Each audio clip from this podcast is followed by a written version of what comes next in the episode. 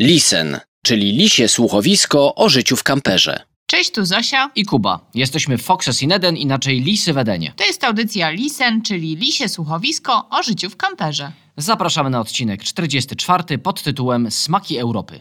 Dzisiaj łączymy się z Wami z Warszawy, z Polski. Ale nie w bólu.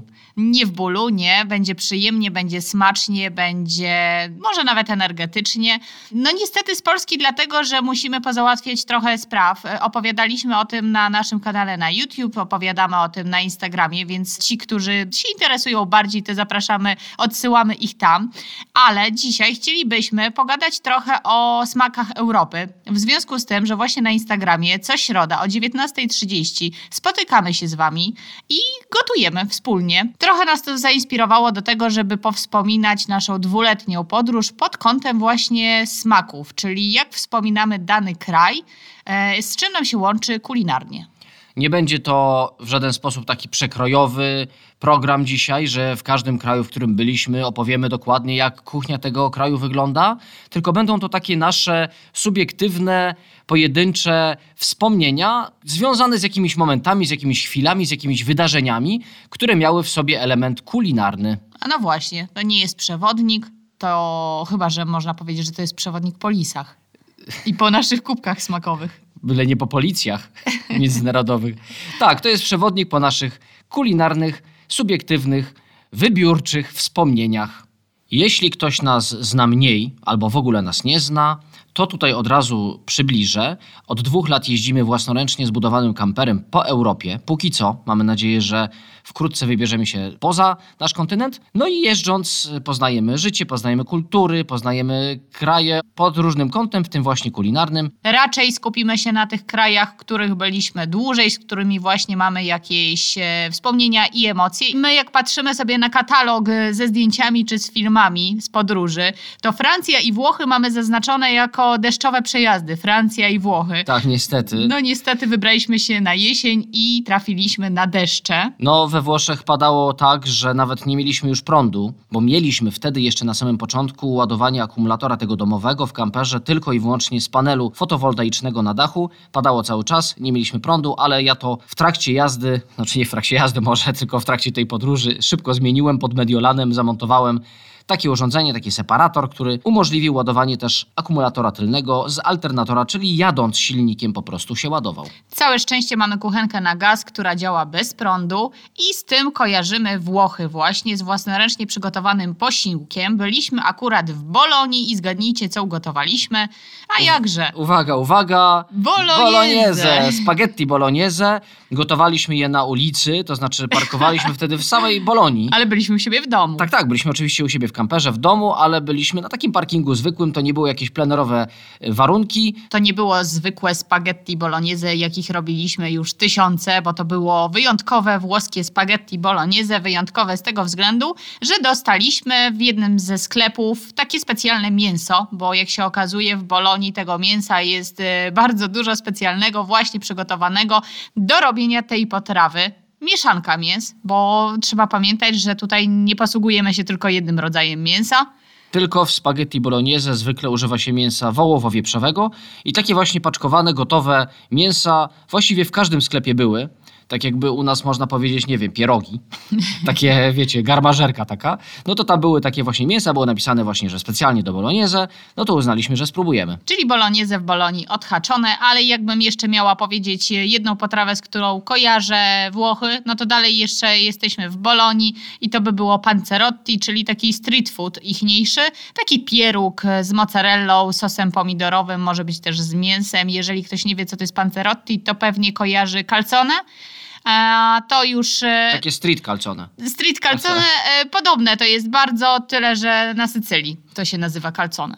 Przechodzimy do Francji, przejeżdżamy do niej nawet i wybieramy się na wybrzeże w okolicach miejscowości La Rochelle nad Zatoką Biskajską. Spróbowaliśmy czegoś może nie nowego, bo już próbowaliśmy wcześniej, ale złowione przez siebie, upolowane przez siebie ostrygi są naszym pierwszym wspomnieniem z tym krajem. Tak naprawdę te ostrygi łowiliśmy z naszymi znajomymi poznanymi w drodze, czyli Kasia i Irkiem i, Irek. Kasią, tak, pozdrawiam serdecznie.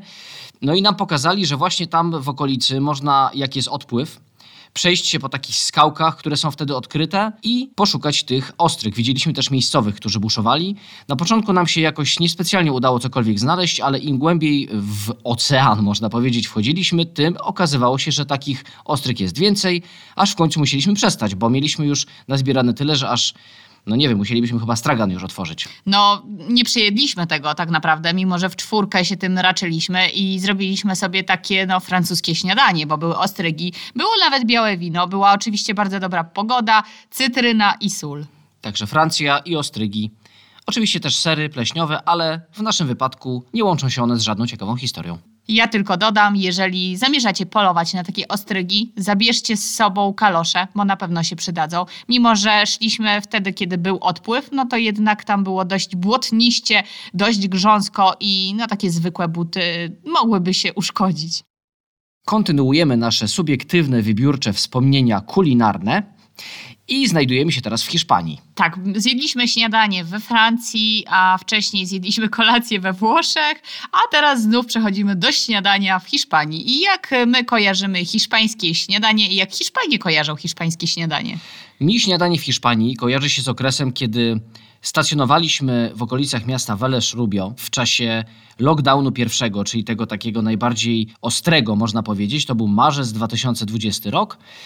I tam chwilę po tym rozluzowaniu tego lockdownu poszliśmy, czy zaczęliśmy chodzić do miasta i poszliśmy sobie parę razy na śniadanie i na tym śniadaniu okazuje się, że Hiszpanie chętnie jedzą tostadę, Czyli taką kanapkę. taką kanapkę, taką grzankę bardziej nawet, trochę jak bruschetta włoska, no ale generalnie taka grzanka z różnymi rzeczami. Zwykle to są pomidory i jakiś ser, czyli kezo. Ewentualnie jakaś szynka, czyli karne.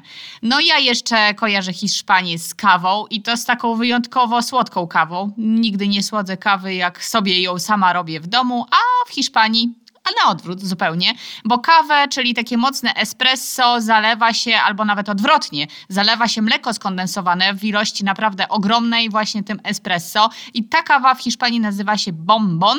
Hiszpanie to wyjątkowo lubią i ja to też bardzo polubiłam. Jeszcze później w trasie też e, kilka razy sobie zrobiłam, ale no nie ukrywam, że kaloryczność jest naprawdę wysoka tej kawy. A jeżeli ktoś chce się kawą ochłodzić, to często Hiszpanie wrzucają do takiej kawy jeszcze kostkę, dużą kostkę lodu. Docieramy nad ocean, a dokładnie jesteśmy już w Portugalii i jesteśmy w stolicy, w Lizbonie. I tutaj mm, pewnego rodzaju zaskoczenie, bo mi się Lizbona, Portugalia będzie kojarzyć z kasztanami. Nie Francja. No właśnie. Z kasztanami, a Lizbona, o dziwo. Na Lizbonę poświęciliśmy tylko jeden dzień na jej zwiedzanie i na zachód słońca wybraliśmy się na plac, plac Comercial. Czytam trochę po hiszpańsku, portugalski jest jeszcze trudniejszy. I tam właśnie skonsumowaliśmy ciepłe kasztany i ten zapach kasztanów będzie mi się kojarzył, no chyba już na zawsze właśnie z tym zachodem słońca. W Lizbonie. W Lizbonie. A mi Portugalia będzie się kojarzyć z własnoręcznie zebranymi mulami y, rano, w czasie odpływu znowu, tak jak y, we Francji ostrygi. Rano zamuleni ludzie łowią mule. No byliśmy trochę zamuleni rzeczywiście, bo to był poranek. Mule zbieraliśmy na plaży Zawial. Tam bardzo są piękne rejony na południowym zachodzie Portugalii. Bardzo polecamy tam pojechać. Tam je zebraliśmy, natomiast przyrządziliśmy później na przylądku Świętego Wincentego. To jest już sam koniuszek Portugalii, najbardziej na południowy zachód wysunięty kraniec Portugalii.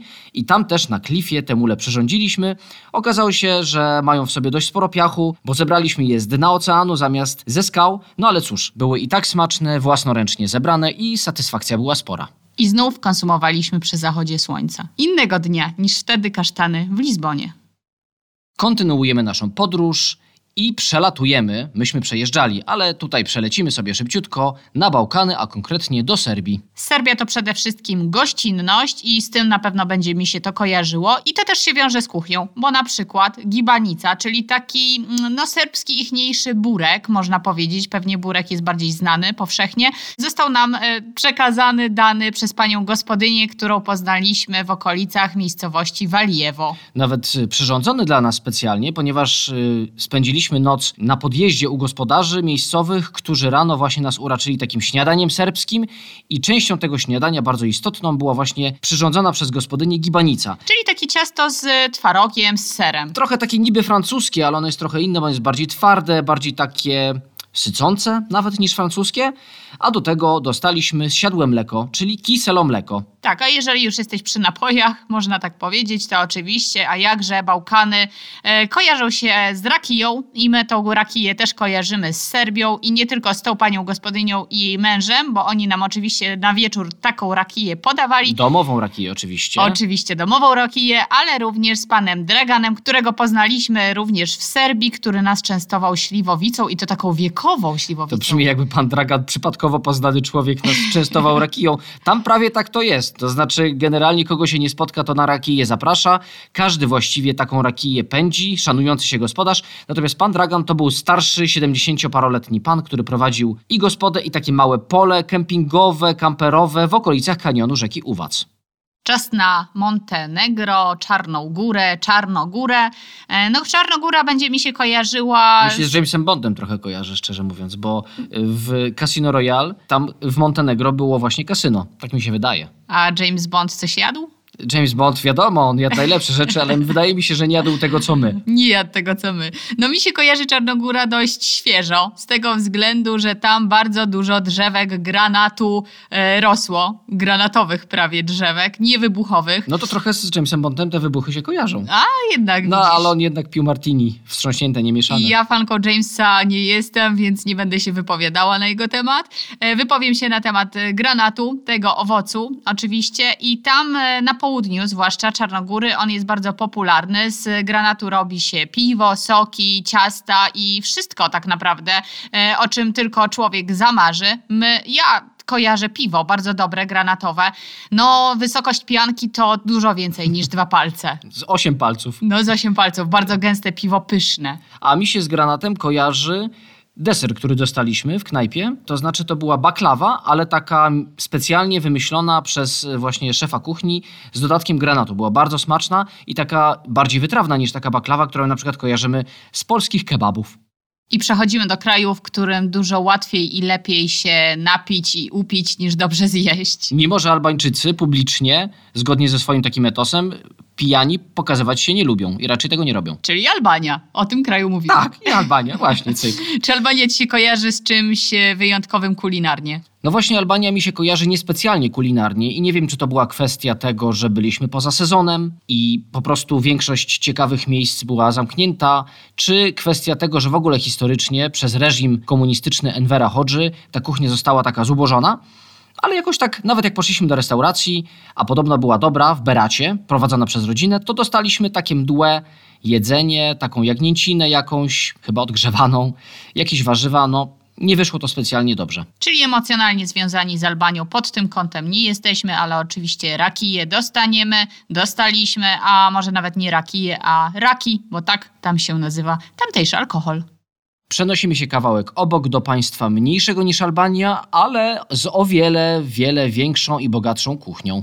Czyli do Macedonii. Do Macedonii, właśnie. Mi się Macedonia będzie już na zawsze chyba kojarzyła z taką starą dzielnicą turecką o nazwie Czarszija. Taka dzielnica jest praktycznie w większości miast większych w Macedonii.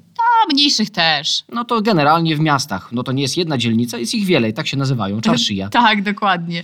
No i tam właśnie znajdziemy targ, na którym można kupić wszystko. Warzywa, owoce, mięsa, mm, pewnie ryb trochę mniej, no bo jednak dostępu do wody, do morza nie mamy, ale można dostać też takie sery solankowe, białe, kozie, owcze najczęściej i one mi bardzo smakowały i z tym na pewno Macedonię kojarzyć będę, a jeżeli już jesteśmy przy kolorze białym, to ja jeszcze wspominam Macedonię z czymś takim, co się nazywało makalo. Makalo to jest taka pasta z czosnku, długo ucieranego z olejem i smaruje się nią głównie pieczywo. Jest bardzo popularna w rejonach Ochrydy, natomiast jak pojechaliśmy w inne rejony Macedonii, okazało się, że nie wszyscy w ogóle o niej słyszeli, co nas dziwiło, bo nam się wydawało, że to jest bardzo taka macedońska potrawa, macedoński przysmak. A wracając jeszcze do tych serów, o których mówiłaś, to mi się kojarzy takie próbowanie tych serów, ponieważ na każdym targu każdy sprzedawca, każdy taki gospodarz, który te sery przywozi, bo to są takie sery domowe, częstuje tymi swoimi serami, więc można nieźle się najeść w ogóle szukając sera, który nam smakuje. I nagle przenosimy się na północ, taką dalszą północ, bo docieramy do Norwegii. Trochę dzisiaj skaczemy po mapie, ale to w związku z tym, że ta nasza podróż trwa dwa lata i przez te dwa lata no trochę tych krajów odwiedziliśmy i stąd się bierze właśnie ten przeskok. A z czym nam się kojarzy Norwegia? No mi chyba już na zawsze będzie się kojarzyła z pysznym, delikatnym mięsem renifera. Mieliśmy okazję spróbować takiego domowego gulaszu, który przyrządził nam Adam, a właściwie jego mama, którzy mieszkają w Norwegii. Mięso było wyjątkowo delikatne, nie spodziewałam się. Myślałam, że będzie bardziej tak jak dziczyzna, czyli bardziej Zgrzebne takie takie. zgrzebne. Tak. Mhm. Jeżeli zastanawiacie się, jak to właściwie może smakować, to mi się bardzo kojarzy z wątróbką, taką indyczą nawet wątróbką. Mi Norwegia kojarzy się jeszcze z dorszem, bo to jest wszechobecna ryba, kojarzy mi się głównie z lofotami i kojarzy mi się z dorszem również zapach dorsza, bo na lofotach tego dorsza się suszy, jest bardzo dużo takich suszarni na wolnym powietrzu i są momenty, kiedy zapach dorsza rozchodzi się po całej okolicy. A drugą rzeczą, która kojarzy mi się z Norwegią, jeżeli chodzi o jedzenie, to jest ser, brunost. To nie jest tak naprawdę ser. To jest taki śmietankowo-mleczny, topiony przysmak, można powiedzieć. On jest albo w plasterkach, albo w takich pastach, ale myśmy jedli głównie w plastrach. No jest to coś pomiędzy karmelem, a cukrem, a takim mlekiem skondensowanym w smaku. Trochę na wytrawnie, a trochę na słodko. Nie wiadomo, czy to jeść właśnie na deser, czy to jeść w trakcie. A z ciekawostek mogę powiedzieć, że podobno Justin Bieber tak zasmakował w tym serze, że każe sobie go przywozić z Norwegii do Stanów. A jeżeli chodzi o sąsiada norweskiego, czyli Szwecję, to też kojarzy mi się z rybami, też śmierdzącymi, ale nieporównywalnie bardziej niż ten y, norweski dorsz, to znaczy z kiszonym śledziem, który nazywa się surströmming. Osobną audycję nagrywaliśmy o tym kiszonym śledziu, opowiadaliśmy wam, jak konsumowaliśmy tego śledzia, jak właściwie on pachnie, jak smakuje, więc tutaj nie będziemy się zagłębiać w ten temat, ale no faktycznie, kiszony śledź i Szwecja, no to jest chyba znak równości między tym. Czyli tutaj tym. na koniec dość standardowo podeszliśmy do tematu, bo chyba cały świat y, kojarzy Szwecję z takim surströmmingiem, kiszonym śledziem. Tylko dodam, że nie jest to tak straszne, jak się to przedstawia. Da się zjeść, tylko trzeba jeść tak, jak jedzą Szwedzi, a nie jak się wydaje nam, że powinniśmy to robić. I takim lekko śmierdzącym akcentem będziemy kończyć dzisiejszą audycję. Mamy nadzieję, że coś wynieśliście dla siebie i będąc w którymś z krajów, o którym dzisiaj opowiadaliśmy, będziecie mieli ochotę sprawdzić, o czym właściwie mówiliśmy. Jakbym miała mm, powiedzieć, na czym się skupić najbardziej, takie top one, to chyba bym powiedziała, żebyście spróbowali tego renifera w Norwegii. A ja bym powiedział chyba jednak, tak przewrotnie, żebyście spróbowali tego kiszonego śledzia, bo nie taki diabeł straszny. Czyli wakacje na północy. Dzięki za dzisiaj. Do usłyszenia przy kolejnej audycji. Dzięki, cześć. Cześć, cześć.